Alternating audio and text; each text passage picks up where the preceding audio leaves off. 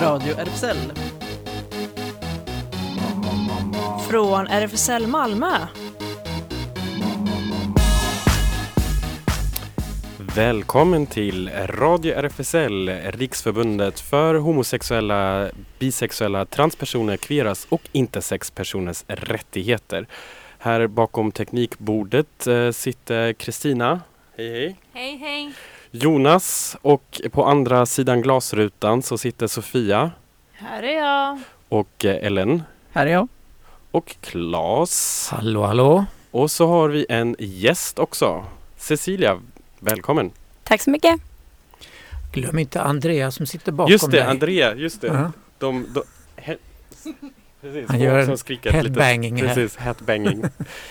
Eh, ja, Ja, ja.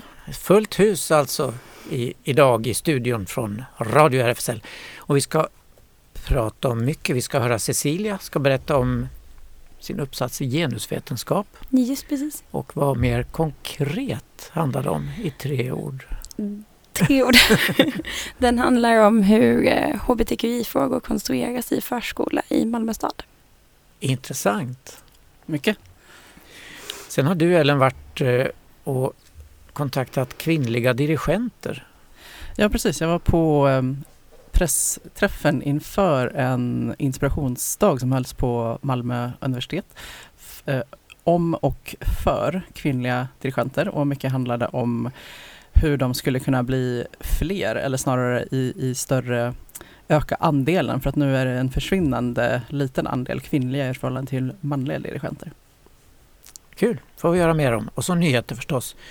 Bland nyheterna som vi inte tar upp i våra nyheter förstås är det ju Bre- Brexit. Idag har EU beslutat att Storbritannien får lämna EU till glädje för en del och tvärtom för väldigt många. Speciellt en grupp då som heter Bree Union Boys. just det. Så det har redan blivit riktigt så här popkultur nu. Ja. Britain come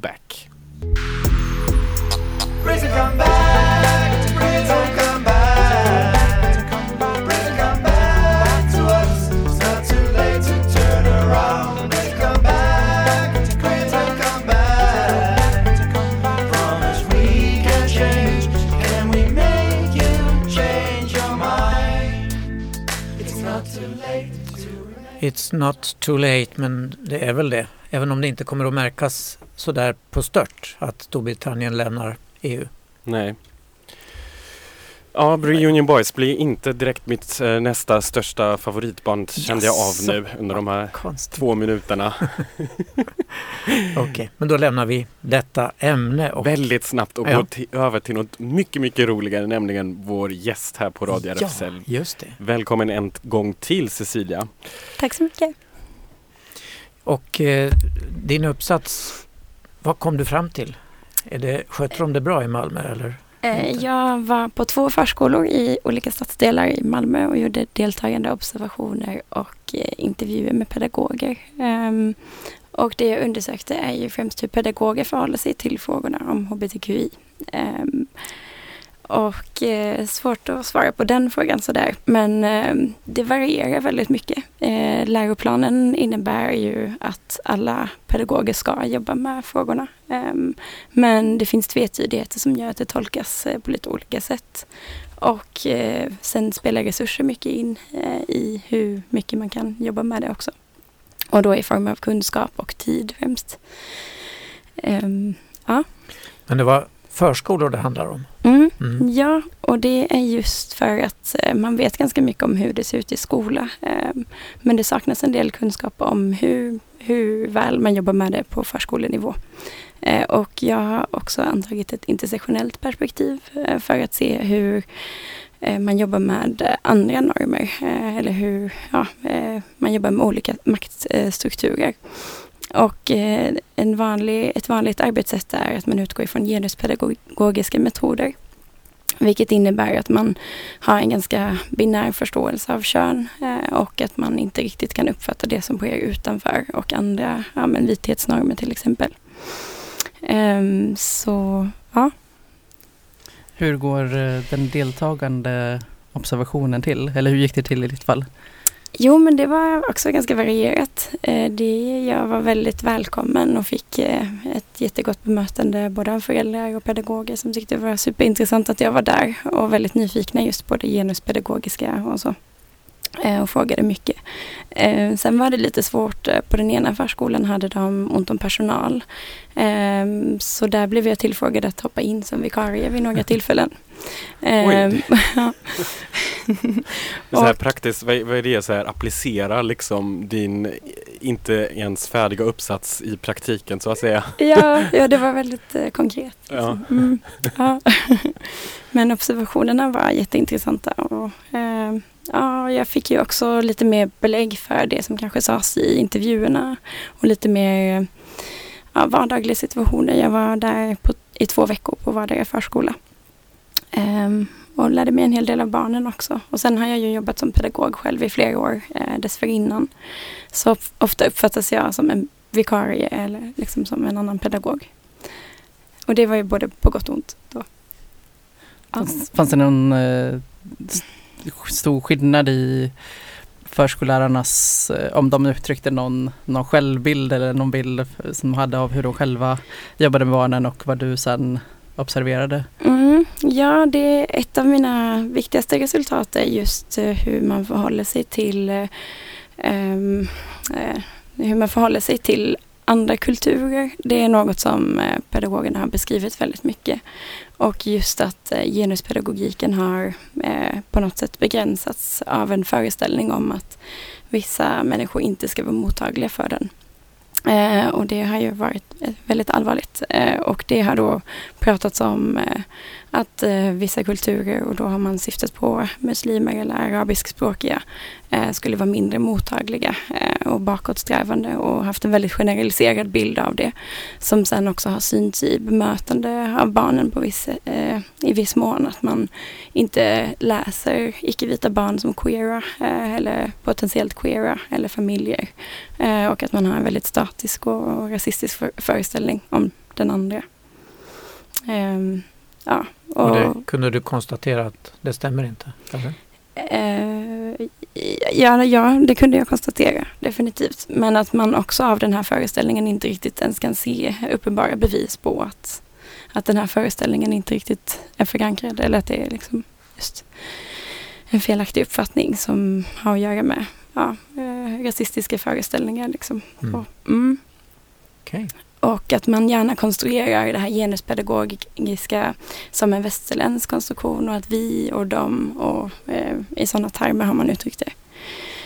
Kunde du se liksom att det fanns en pedagogik som var mer deltagande i den formen? För nu låter det lite som att ja, men det här är någonting vi har kommit på, alltså lärarna och pedagogerna. Att så här, Det här ska vi lära dem, att man inte liksom bjuder in och liksom Mm. försöker. Kunde du se något, något spår av det? Eh, jag kunde se, eller det var på en eh, av förskolorna har jag också varit för många år sedan. Eh, och där hade man då motiverat att man inte överhuvudtaget jobbade med normkritik på grund av just den här föreställningen.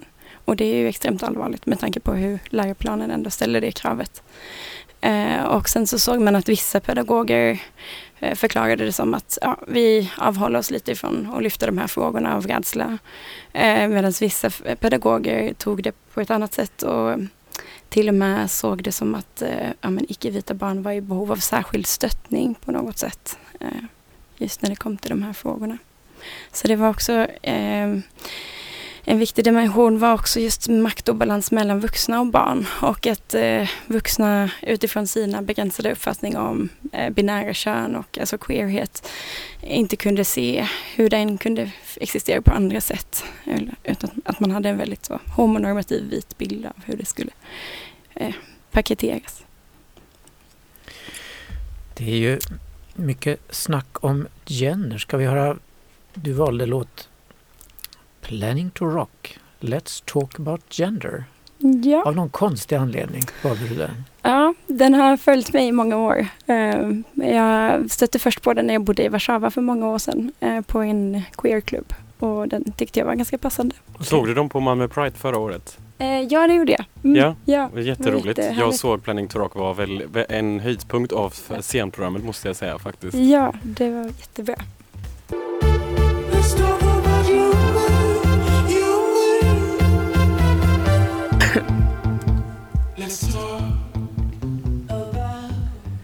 Let's talk about gender. Och det är just vad vi gör. Det är just vad vi gör, ja. precis, med Cecilia här på Radio RFSL. Yes. Eh, Ja, du berättade om, om du, hur du hade gått tillväga och, och lite reaktionerna när du kom ut och sådär. Eh, Ska du fortsätta på den här inslagna vägen och bli professor i detta ämne? Eh, Vi får se. Jag är jättesugen på att söka doktorandtjänst eh, så det ska jag testa att göra. Det har de väl lagt upp nu va? Mm. Doktorandtjänst i Gender Studies. Exakt. Ja, Gick igenom mina nätverk också. mm. Ja. ja det stämmer. Mm. Eh, ja. Spännande. ja, vi får se. Ja. Eh, vi har ju haft Drag Queen Story Hour på besök här i, i vår radio flera gånger. De har läst in julsagor och sånt där. Och jag såg precis idag på Instagram kom deras schema för februari. De åker ut och läser sagor för små barn på bibliotek och sådär. Och det är så späckat. De får helt enkelt sluta med sina vanliga jobb tror jag för att den 8 är de på Varbergs stadsbibliotek, 17 i Höganäs, 18 i Garaget här i Malmö, 19 i Getinge i Halmstad, 20 Stehag, 22 Helsingborgs stadsbibliotek, 25 Segerpark, Malmö stad och även den 26 28 i Kungsbacka bibliotek och 29 Söndrums bibliotek i Halmstad. Herregud, hur hinner de? Väldigt poppis. Jag tänkte på, vill du säga något om, om barnen?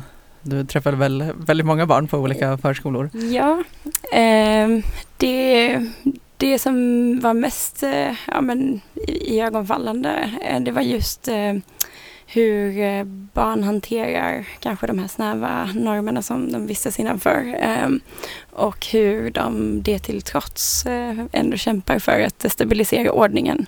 Även om det inte alltid uppmärksammas eller stöttas.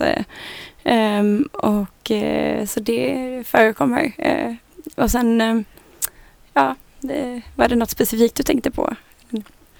Som var- nej men jag, ja, lite grann faktiskt Mm. apropå våra tidigare gäster, Ja. um, Drag Queens Story Hour som berättade att de hade väl, de hade väl ingen berättelse tror jag av att ha blivit ifrågasatta Nej, av barnen. Barnen är helt öppna. Nej, Mm. precis. Utan de som vissa gånger hade varit tveksamma, det, det var vissa föräldrar tror jag som hade Men egentligen är det i de Mm. flesta Glada. fall är det föräldrarna som börjar undra saker, inte Mm. barnen. Sådär. Ja. Ja, och det, och det tänker jag liksom om det är något som det du har sett eh, liksom speglar det också att, att liksom barnen är helt chilla medan det är vuxna som är problemet. Mm, Eh, Ja, ja eh, men det kan jag faktiskt återkoppla till just med en annan norm, normkreativ föreställning som den ena förskolan skulle besöka där de fick ta med ett begränsat antal barn.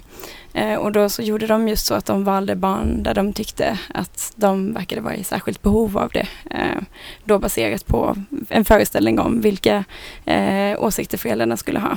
Där barnen sen eh, var jätteglada och kom tillbaka och tyckte att det var helt fantastiskt det de hade varit med om och, eh, och sådär. Eh, men ändå så, så är det den här, liksom, det- det man ser, att det är föräldrarna. Man har väldigt svårt att se agentskap hos barn, alltså just i relation till kön och sexualitet. Och, Hur är det med normkritik inom, eller just in, när du syftar på läroplanen också, så här, vad, vad, kan man på något sätt sammanfatta liksom hur ska det implementeras i en vardag på en vanlig förskola? Ja, nej det kan man inte riktigt. Det står inte i vilken utsträckning eh, det ska Nej. förankras. Men det står att det ska, att man aktivt ska jobba med det. Eh, jobba med att utmana traditionella mönster eh, och roller. det. Och det, det kräver ju också en del att eh, personalen i sig också har tänkt på de frågorna, för Ja. sig själv kanske. Ja, precis. Och det som görs mycket är att man jobbar med genuspedagogik, men inte normkritik. Och skillnaden är då att man har liksom en endimensionell förståelse av makt mot att man, ja, ni, ni kanske känner till. Men eh, det som ofta görs är just det första då. Mm. Ehm, även om allting egentligen ska ingå enligt läroplanen. Var det något som du såg som var helt oväntat? Alltså du kanske hade vissa förväntningar och så fanns det någonting som bara fick dig att bara oj, va? Ja, Eh, Eh, Men eh, också som en del tidigare forskning visar, som också har gjorts på pedagogiskt förhållningssätt till barns sexualitet i Malmö stad. Anna Korstowitz eh, är en forskare som har skrivit om det, som också har jobbat för RFSU tidigare. Precis som hon också konstaterar i sin undersökning så hittar jag barn som kanske inte alltid har acceptans hos föräldrar eh, i att uttrycka ett normbrytande, ja, har ett, en normbrytande eh, könsuttryck. Eh, där de upplever förskolan som en trygg plats eh, och där alltså personalen kanske tar strid just för de här barnen. Så det är ju väldigt positivt. Eh, Hur har reaktionen varit på din uppsats så hittills? Ja, den är inte publicerad än för det är Nej. så pass nyligen. Ehm, men jag, flera av pedagogerna har ju uttryckt intresse för att läsa den och så. Ehm, och eh, Du blev förstås godkänd. ja, Ja. det blev jag. Mm. Precis. Ehm, men det var flera föräldrar som berättade att de jättegärna ville läsa den också. Jag tror att den kan vara av intresse för både ja, pedagoger, föräldrar och skolpolitiker. eh, hoppas jag. Okej, kort sammandrag kanske för eh, allmänt bruk utanför forskningsvärlden, eller? Mm, ja, ehm, ja, men det kan vara jättegivande tror jag och mest för att få lite tips på litteratur som man kan eh, lä- läsa om man vill bli lite mer, ja men lära sig eh, normkritiska arbetsmetoder. Ehm, så det finns det definitivt. Så bra. Mm. Vi ser fram emot en doktorsavhandling här Ja. framöver. Hoppas det. Du har valt en till låt som du gärna får berätta om. Du får gärna berätta om den. Jag får berätta om den. Vad får jag för? Men det är du som har valt den. Eh, det är vårt interna favorit, radions favoritband tror jag i alla fall av Klas och mig. Marsh och Leila. Marsh Leila, precis. Och eh, det är Teif som eh, är titeln på den här låten som vi har spelat här några gånger också. Precis. De har Spöken. vi också fått se någon gång i Malmö på Malmö sommarscen. Men det var länge sedan och då fanns inte jag i Malmö i alla fall. men här kommer de på radio. When my head كتب التاريخ كأنه تاريخك ورقنا ترجمنا له نبيت صفو أبو نويس برسنة Marsho och Leila och tack Cecilia för att du berättade om din väldigt, väldigt spännande uppsats som vi har blivit väldigt nyfikna på att titta lite närmare på när den är sen ute Ja. i allmänheten. Och eh, från eh, normkritiken på förskolor eh, går vi över till någonting som Ellen tycker också är väldigt spännande. Jag skulle också säga normkritik fast inom eh, dirigentbranschen. Ja. Ehm, eftersom dirigenter har länge eh, skapats som, eh, ja, eh, självklart män. Ehm, men den här, ehm, eh, jag var ju då på pressträffen inför eh, en heldags, ett heldagsseminarium eh, som hette Upptakt för kvinnliga dirigenter. Och den eh, första personen jag fick intervjua, Gudrun Dahlqvist, är dirigentstuderande. Hon berättar först om vad som ska hända under dagen, vilka som ska vara med och så lite om sig själv. Jag heter Gudrun Dahlqvist och är dirigent och violinist. Och vi är, idag är vi på Malmö universitet och ska ha en, en, ja, en inspirationsdag för att eh, lyfta mm, det här att man behöver lyfta fram kvinnor som, som att få kvinnor att dirigera så att det man får fram dem i branschen också. Så nu ska vi ha, om en stund så ska vi ha ett panelsamtal med eh, Franziska Skog och Daniel eh, Hansson är de som anordnar det här. Eh, du får fråga dem om titlar för jag är inte så helt säker. Eh, så det är de och så har vi en, eh, också en genusforskare som kommer. Och sen är vi fyra studenter, eh, dirigentstuderande. Vi är två från Sverige och två från Ukraina. Eh, för Daniel är eh, professor i, eh, på en skola i Ukraina. Eh, och sen så ska vi ha en masterclass med, med Malmö Akademiska Orkester och eh, Ruth Reinhardt, en tysk eh, dirigent och, och hon var här i veckan och dirigerade Malmö symfoniorkester. Så då passade det perfekt att... Mm. Nej men jag ser fram emot, eh, alltså jag ser fram emot allt. Eh, samtalen som vi kommer ha, det, det är alltid viktigt att bara få, få jag tror vi har hyfsat samma syn på saker och ting men att man behöver, man behöver ju prata om det, lyfta ehm, och från olika, vi kommer ju från lite olika håll allihopa. Ehm, ja, i samma bransch ungefär men ändå. Och eh, sen så självklart ska det bli jätteroligt med det praktiska och få träffa Ruth och eh, se vad, jag, vad man kommer lära sig. Ehm, så det, är, det blir en kul dag. Jag har, eh, jag har hållit på med musik hela mitt liv kan man nästan säga. Jag började spela fiol vid väldigt ung ålder. Jag har gått Musikhögskolan eh, på fiol eh, och nu för några år sedan så började jag dirigera. Eh, så det, det har bara varit en utveckling. Jag, jag har spelat orkester eh, sedan jag var tonåring. Eh, väl, väldigt mycket och eh, har fri, och frilansar nu. Jag jobbar som violinist. Eh, turnerar, eller så här frilansar. Ja, absolut. Mm. Och lite senare fick jag träffa då den här dirigenten Ruth Reinhardt som faktiskt precis hade dirigerat Malmö symfoniorkester. I'm Ruth Reinhardt. I had my la- my concert last night. Yes, I I've been here last year and the year before, and yeah, I've been here quite a bit now. Okay. Which and is you're really nice. on coming back? Yes, I'm going to be back next season too. So yeah, I really look forward to that. It's a great orchestra. Do you travel around quite a bit? Uh, Yes, yes. So I half the time I work in the United States, roughly, half the time in Europe. This year I work a lot in Sweden, uh, like even to the extent that I started learning just a little, little, little bit because I felt okay, I'm here so much. Um, but it's yeah, yeah, also Germany, Austria, kind of. It's just kind of you know, always a little all over the place. Yeah. Yeah. Cool. And you're going to be here for this uh, whole seminar, or Yes, I'm going Yeah. to be here for, uh, until tonight. Yes. right? Yeah. Yeah. What do you? Um, what are your expectations or your hopes for? Uh, today? well, I'm just really curious. I'm really, I'm particularly curious about the masterclass to just uh, see them conduct and to, you know, somehow try to help them as much, you know, as I can, and um, encourage them, but also just help them, you know, like communicate better to the orchestra. And so I'm really, I'm really excited about that. Okay. Yeah, Great. Thanks. yeah, yeah. Thanks Thank so you. much. Mm. Och sen fick vi höra alla deltagarna presentera sig. Jag är dirigent och arbetar här på Malmö universitet. och eh, undervisar i dirigering. Så därför är det viktigt också. Ja, just det. Eh. Och, och är också gästprofessor i dirigering vid konservatoriet i Lviv. Och jag heter Franziska Skog, jag är pianist och eh, legitimerad psykolog och jobbar på Musikhögskolan som lärare i piano och musikpsykologi. Eh, jag doktorerar också i konstnärlig forskning.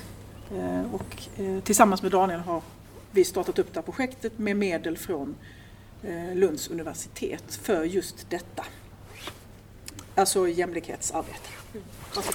Jag är Gudrun Dahlqvist och jag är dirigent och violinist och studerar just nu på Kungliga Musikhögskolan, äh, studerar orkesterdirigering i, på Kungliga Musikhögskolan i Stockholm. Ja, jag heter Sofia Winiarski och är eh, dirigent och organist, dragspelare, pianist. Eh, och jag avslutade nyligen mina studier vid eh, Kungliga Musikhögskolan i Stockholm i orkesterdirigering. My name is uh, Valeria. I'm from Ukraine, from uh, old beautiful city Lviv. I uh, study now at uh, Lviv Music Academy, uh, conductor.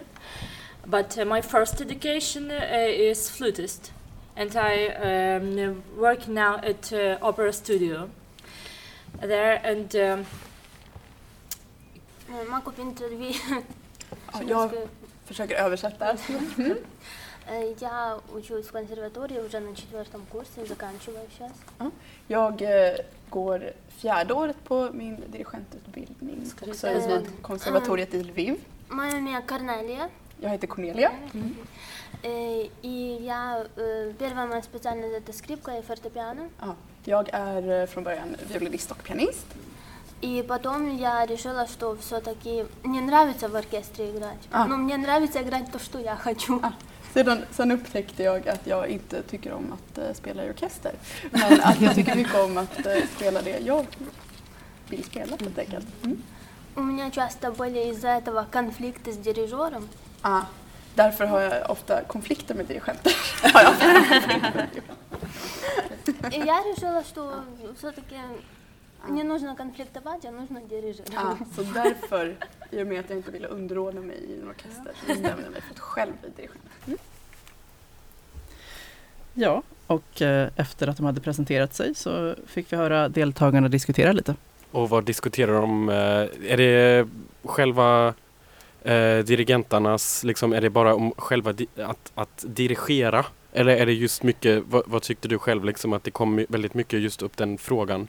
Om, för ja, nu alltså- hade vi två manliga dirigenter i te- teamet också. Ja, precis. Eh, Ja, men det eh, fokuserade ändå på eh, syftet med dagen, just det här att ja, dels vad, varför ser det ut som det gör och hur kan man råda bot på det? För att det är alltså en, en sån himla låg andel kvinnliga dirigenter. Det som saknas inom klassisk, vi pratar nu om klassisk musik, det är viktigt att komma ihåg. Eller jag gör det i alla fall, för när, jag startade, när vi startade projektet. Så är det västerländsk klassisk konstmusik om man ska vara helt korrekt. Ehm, och den lider nog, eh, tycker jag, brist på eh, en vetenskaplig blick, en analytisk blick som, som man inte har haft utan det har handlat väldigt mycket om eh, och det ska handla väldigt mycket om konsten, musiken, de stora verken. Och det är helt okej, men vi måste också lägga till eh, en form av eh, ja, men analys och lite mer grundläggande eh, problematisering av vad är vårt område idag, vad behöver vi göra annorlunda? Och där tror jag akademin, det som du kallar för akademin, alltså universitet, fyller en stor funktion. Man är um, otroligt fokuserad på det konstnärliga innehållet. Det kan dock ibland göra att man missar just värderandet av det konstnärliga innehållet. Man, alltså man missar att se vad som färgar värderingen av konst överlag. Ehm, och hur till exempel hur bedömningar ser ut både ehm, vid antagningsprov, vid, eh, under utbildningens gång och efter. Ehm, så man, man jobbar ju aktivt på Musikhögskolan med till exempel kvinnlig representation i jurys och den Mm. typen av saker. Men det är ju inte säkert att en kvinna är en snällare bedömare än en man därför att vi är färgade av de strukturer som vi lever i. Um, och eh, jag kan säga som eh, människa som råkar hålla på med dirigering att jag har blivit vars, varse att jag är kvinna under den här utbildningen. Uh, därför att jag många gånger har varit ensam som kvinna. Och det är ju ingenting man tänker på förrän man, liksom, man tittar runt och så ser man det normavvikande. Det är klart att det färgar av sig och är en, både en spegling och någonting som sedan färgar av sig i yrkeslivet. Sofia är ju också eh, en medlem i KUP som, som ni gärna får titta på när ni... Känner ni till den? Kvinnor... är- Jag kan berätta. Kvinnor. Ja. Mm. Ja, kvinnor. Nej, jag är inte med, så- Nej, jag ska inte berätta. Lite. Ehm, relativt ny medlem i då Kvinnor upp på pulten som eh, arbetar för att både synliggöra Ehm, existensen av kvinnliga dirigenter. För det är också precis som i, många yrken där kvinnor är underrepresenterade att nej men, vi känner inte till några kvinnor. Det finns inga kvinnliga dirigenter liksom, att välja mellan. Ehm, så CUP eh, vill synliggöra att, de, att vi existerar men också eh, till exempel arbeta med att presentera statistik. Så eh, 2016-17 så sammanställde man statistik eh, från de svenska konserthusen Eh, och operahusen. Och ehm, där kom det fram då att 16 procent av de anlitade dirigenterna var kvinnor. Svenska kvinnor. Men om man plockar bort två av de här institutionerna ehm, så sjunker siffran drastiskt. Det är, om man tittar på den tabellen. Som Så vi det är några som står för av. Ja, det är, ett par, det är två, tre institutioner som står för nästan allt och majoriteten hade noll, kanske några enstaka procent. Svenska kvinnliga dirigenter. Det här är känt inom vår värld. Det här är känt. Det är, det är inte kvinnor som dirigerar, det är män som dirigerar. Punkt slut. Du hade ju de där fina eh, Citaten. citaten Oh. från New York Times. Det finns en jättebra artikel i New York Times om det här temat. Och, och där, där framkommer ju en del ja, men, klockrena citat från de mest kända dirigenterna som vi kan Ja, tänka oss. ja. Har- Och de kan man ju skratta lite åt och småle lite åt. Men det är alltså någonting de här människorna säger offentligt. Och det var nyligen. Jag kan det var inte så här 30 och då, år sedan. Då tänker man, var... vad är det som då pågår när de inte är offentliga? Ja, men, och, precis, och den typen av eh, eh, känslor. Och varför, varför förutsätter vi att bara för att man är kvinna så kanske man inte är lika bra som en man men man får jobbet för att man är kvinna? Varför, varför, är, det en, Det är dubbel bestraffning. varför är det en förutsättning? Som att man måste försvara att ja, men jag är också bra. Jag kan Men läsa. kan ta de här. Ja, det, var, det här är då Leif Segerstam. Det, det, är inte, det, är, det här är från Sveriges Radios hemsida. Ehm, där Se- Segerstam nyligen kritiserades därför att han eh, Eh, tyckte då, han sa att Helsingfors stadsorkesters slankare klang berodde på att Susanna Melki saknar ballar. Eh, I Hufvudstadsbladet svarar nu Segerstam på kritiken. Han blev kritiserad för det här. Och då säger han, poängen med att nämna testiklar, berättar han, var att belysa de hormonella skillnaderna mellan män och kvinnor, något som enligt honom påverkar dirigentens utstrålning. I upplevelsefenomenologins nupunkt i salen är en exalterad han-människa annorlunda än en exalterad honmänniska. Kemin i temperamentet är olika, säger han till Hufvudstadsbladet. Det finns, och det finns mängder med sådana här citat från olika dirigenter. Ja, jag tänker på, jag, jag, har, jag har några till här. Det var ju han Petrenko. Nu råkar jag faktiskt Ja. ha som solist framträtt med båda de två dirigenterna, Mm. Melki och Sekerstam. Och det är absolut ingen skillnad i, i han och hon, eh, vad, vad han kallar det för. Nej, eh, Jag ska, jag ska ringa. Jag har ju aldrig tänkt på mig själv som en kvinnlig violinist. Nej, eller kvinnlig dirigent. Det- Jag blev ju kvin- kvinnlig, höll jag på att säga, först när jag började dirigera. Men då Mm, kanske du det kan lyssna här till den, eh, din före detta rektor på Pariskonservatoriet som vi båda har gått Ja, på. Mantovani! Ja. Åh, fantastiskt. Han säger så här på radio, um, eh, French radio, jag pratar engelska nu för det är en New York Times artikel. Sometimes women are discouraged by the very physical aspect. Conducting, taking a plane, taking another plane and conducting again. För vi ska vara hemma. Eh, och sen säger Petrenko och ehm, nej, Juri Temirkanov, en av de absolut största, you know Juri Temirkanov. Yeah. He says that the essence of the conductor's profession is th- strength, he said. The essence of a woman is weakness. Ja! Hej! I'm quoting Temirkanov. that's, that's a bad idea, perhaps. Welcome. So you're welcome to join the team here. Ruth had a fantastic concert yesterday with the Malmö Symphony Orchestra. Yes. With the Hindemith and uh, fantastic. Hello again. Hi. Hi. Thank you. She's kind of the pivotal point of this project. Uh, since I, I, I performed with you last year, Exactly. and that's where the idea came from to to do this day because you were coming back one year later. So Exactly. I'm so happy she could do it. Yes. No, I'm really happy to be here. So she will have a masterclass tonight with, with the students and conductors, for those who are, have finished studying. Uh, and also participate in the conversation about those things that we just talked about. And I gave them some of those uh, quotes that are, that are quite terrible, mentioned Yes. by men. They are, of course, very, um, how would you say, uh, prov- provo- provocative. Mhm. Um, but they are also very, uh, they, they speak for themselves, I think. Yeah. If they, if they say these kind of things in public, what do they say behind closed doors? Yeah. So. Yeah, exactly. Would you just like to tell us something about your own experiences? I mean, encountering, uh, like you were just mentioning, uh, these um, uh, sexist images of female conductors, um, but it could be other things too that you just. Well, I think like I think it really started changing like maybe four years or five years ago, something like this. I think uh, that now it's really as you know, like we are having this. This is also a sign of change, um, and um, so I think it's really starting to change now. Luckily, um, but that's been so. When I started conducting, that was uh, like 15 years ago, and of course I came from a like smaller city, and of course I was very young. You know, like I was 16 years old. So yes, of course, you know, people told me that I couldn't do that, but in to some extent, I think they would have also told me that if I had been a man, just because you know, like, why do you, why should should anybody believe that this kind of sixteen-year-old can do this? Um, but yes, and, and of course, like I heard, you know, there were also like this Italian conductor at my, my hometown opera who was also saying, well, you know, like, don't bother coming to conducting lessons. You know, women can't conduct anyway. So, um, but um, he was, uh, you know, like, he's not doing so well now anyway. So.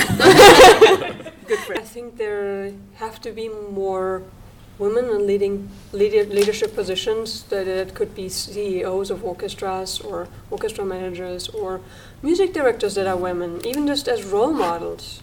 Because right now, I mean, that in, terms of big role models that there are, there's Marin Alsop, there's Susanna Malki, there's Mirga Grajinite, and those are really the three very big ones. And then there's other ones that, of course, you know, you, you see too. But I think the more normal it gets, the the better. Um, Marion also created this uh, organization that I think you were part of. Exactly. Yeah, Could she you tell us about that? Yeah, it's called Taki Concordia Conducting Fellowship, and um, it's a really great setup because she's been doing this for I would need to look it up now, 15 years or something like that for quite a while, and. Um, it's just a way that she takes every two years she takes on um, a few conductors. I think now it's up to four. I think when I was doing it, it was a few few less.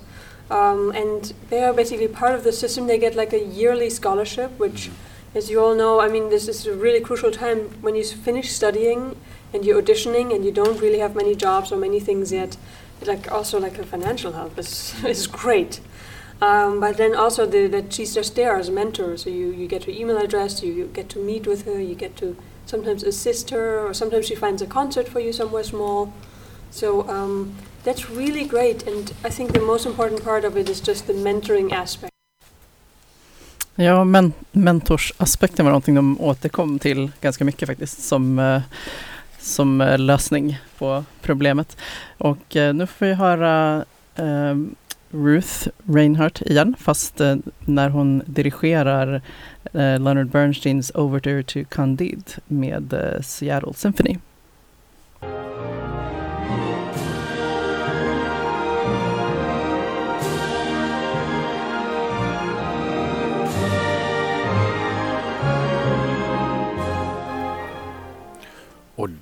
Har det blivit dags för lite nyheter här på Radio RFSL. Just det, och vi kan ju bara berätta apropå Candide här att den kommer på Stockholmsoperan i vår. Denna fantastiska musikal. Alla måste se den. Okej, nyheter. Den 27 januari varje år uppmärksammas ju minnet av Förintelsens offer. Och i år är det 75 år sedan befrielsen.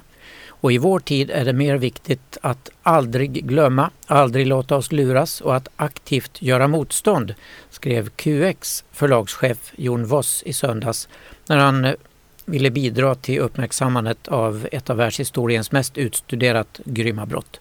Det industrialiserade, i detalj planerade, diaboliskt utförda massmördandet av Europas judiska befolkning. Minnesdagen den 27 januari dagen då sovjetiska trupper nådde fram till koncentrationslägret Auschwitz och kunde rädda de överlevande. Och det handlar i främsta rummet om just förintelsen av vår kontinents medmänniskor med judisk tillhörighet, identitet eller koppling.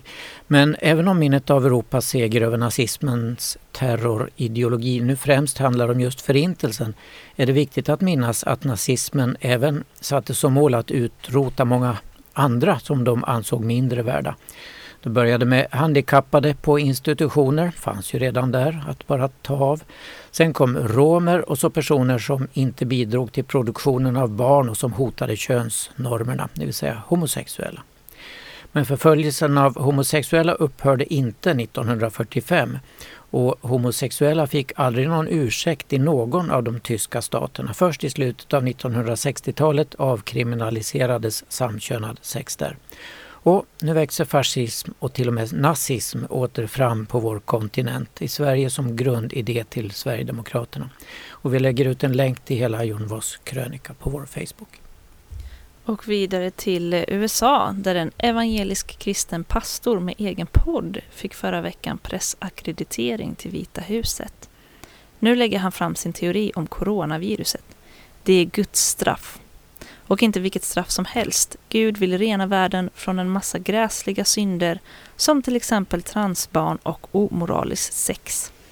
Alltså för att bara säga att omoraliskt sex det är ju den roligaste typen av sex. Så att äh, förstår inte vad den här pastorn han är pastor. Ja, exakt. Mm. Nej, skämt åsido.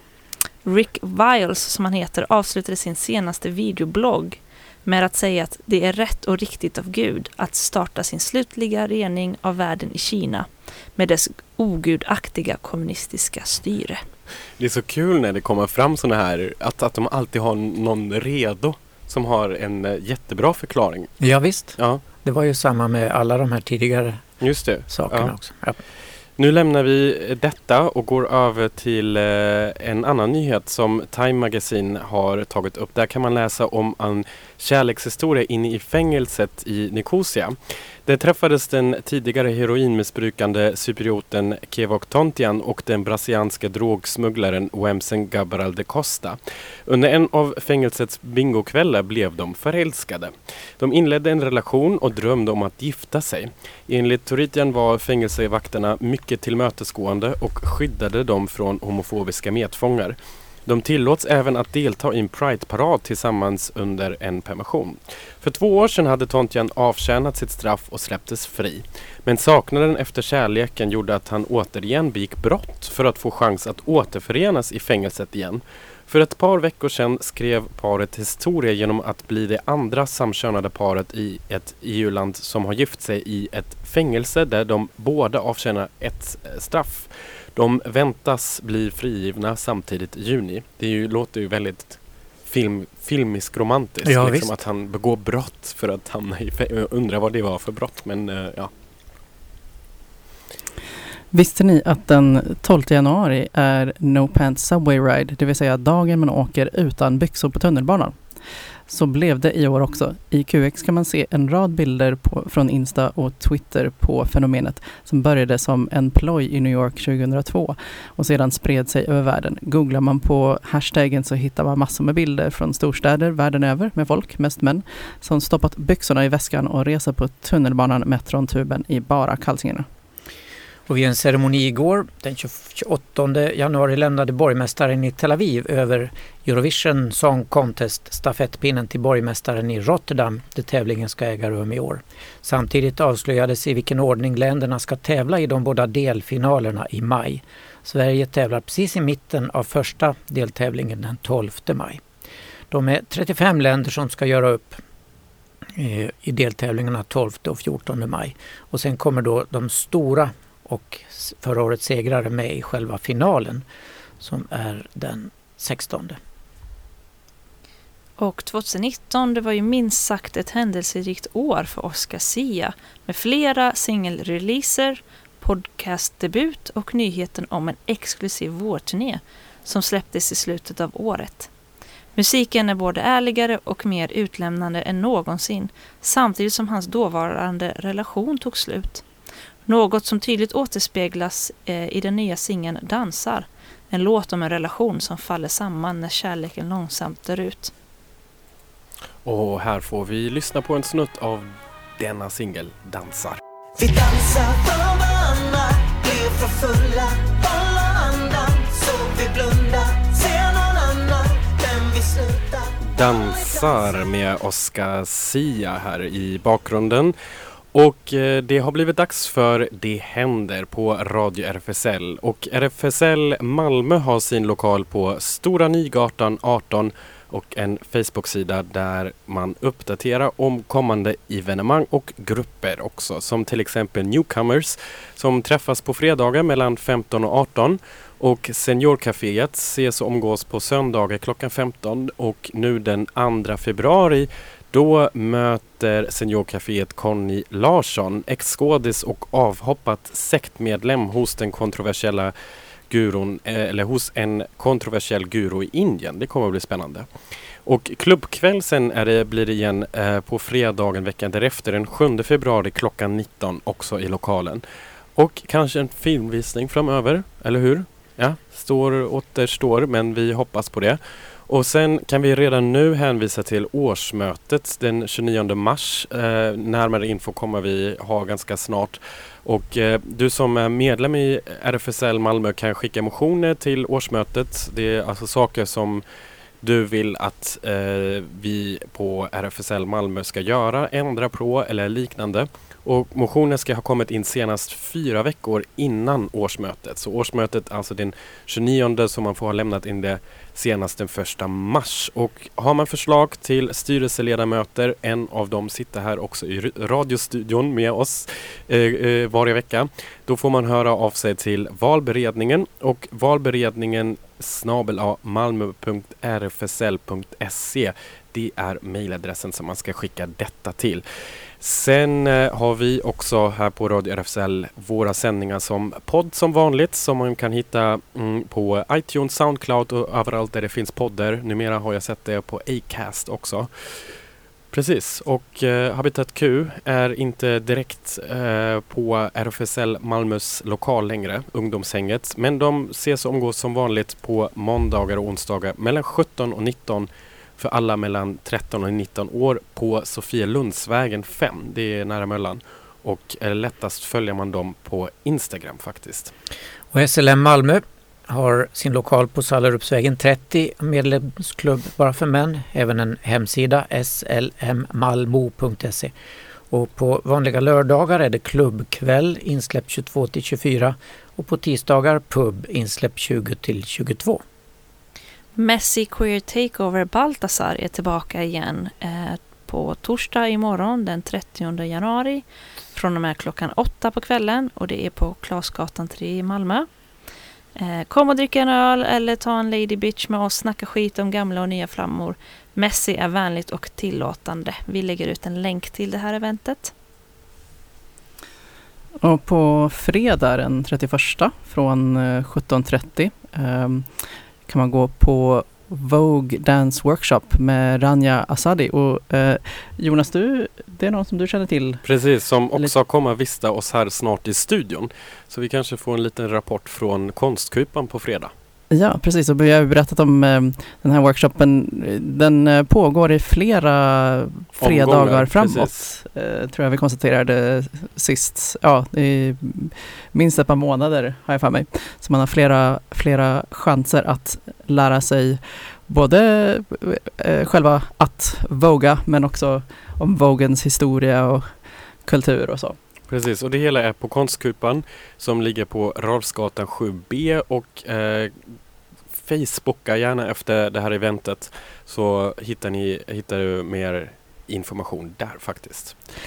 Och Precis, ja, Därifrån kan man gå direkt sen till eh, hotellhänget om just man det, vill. det passar bra. Först dansa, sen hänga på riktigt. Precis. Först kan man våga, sen kan man hänga. Chilla lite på eh, Mäster Johans, eh, MJs då, hotellet, som ligger på Mäster Johansgatan 13. Så här skriver de. Tjoho, dags igen. Det blir eh, DJ Suck My Titties, fri entré. Och eh, välkommen till hotellhänget, ett, av, ett AV, en fest för alla som är icke-binära kvinnor eller transpersoner. Eh, detta är en fest för att du och jag ska kunna få ta plats och känna oss trygga. Ta med dig dem du älskar en dejt eller kom själv och träffa nya människor. Ingen ska ifrågasättas eller diskrimineras här. Ja. Det äh, låter mycket bra. Och sen eh, blir det ett annat fantastiskt kvinnokollektiv som ska ha fest nu på lördag den 1 februari på plan B. Fingerlicken klockan 23. Sjuka beats, mindblowing remixes, prestigelösa moves och some good of fingerlicking goodness utlovas. Och också där kan vi lova att vi får åtminstone ett av eh, DJ-kollektivets medlemmar hit som gäst snart på Radio RFSL också. Okej, och sen på söndag klockan 16 på biografen Hypnos eh, på Norra Grängesbergsgatan kan man avnjuta Celine Sciamma Double Feature Tomboy och Girlhood. Två filmer. Ja, är man sugen på handarbete och feminism eh, då kan man gå till Amatea Bokcafé på söndag den 2 februari klockan 17.00. Aktivista Feminister är ett Malmöbaserat kollektiv för rasifierade kvinnor och transpersoner i Sverige. Det är ett öppet evenemang för kvinnor och transpersoner eh, och syftet är att handarbeta och prata om feminism. Vi kan även tipsa om eh, vad som händer på Malmö stadsteater. Hedvig and the Angry Inch som vi recenserade eh, sist går på HIP fram till den 29 i andra. En handelsresandes död som vi också har recenserat går till den eh, 5 i tredje. Fröken Julie har ny premiär 1 februari och eh, Prekariatet premiär 8 februari. Som vi ska gå på och recensera också. Precis. Och eh, Operan, Malmös opera bjuder på operetten Orfeus i underjorden, premiär den 14 februari. Och Skönhet och odjuret fram till den 30 april, så då har man gott om tid. Och Tosca fram till den 16 februari. Och QX-galan måste vi tipsa om till sist här. Den går ju i Stockholm den 3 februari på måndag och spelas in av TV4 och sänds den 8 februari i ett längre sammandrag. Precis, och med detta sagt önskar vi alla en härlig eventfull vecka. Tack igen Cecilia att du var med oss i studion. Vi Vad hörs. spelar du nu då som slutlåt? Som slutlåt blir det Hold On från SBTRKT Samfa. Wow, Yes. tack, hej! Hej! Hej så länge!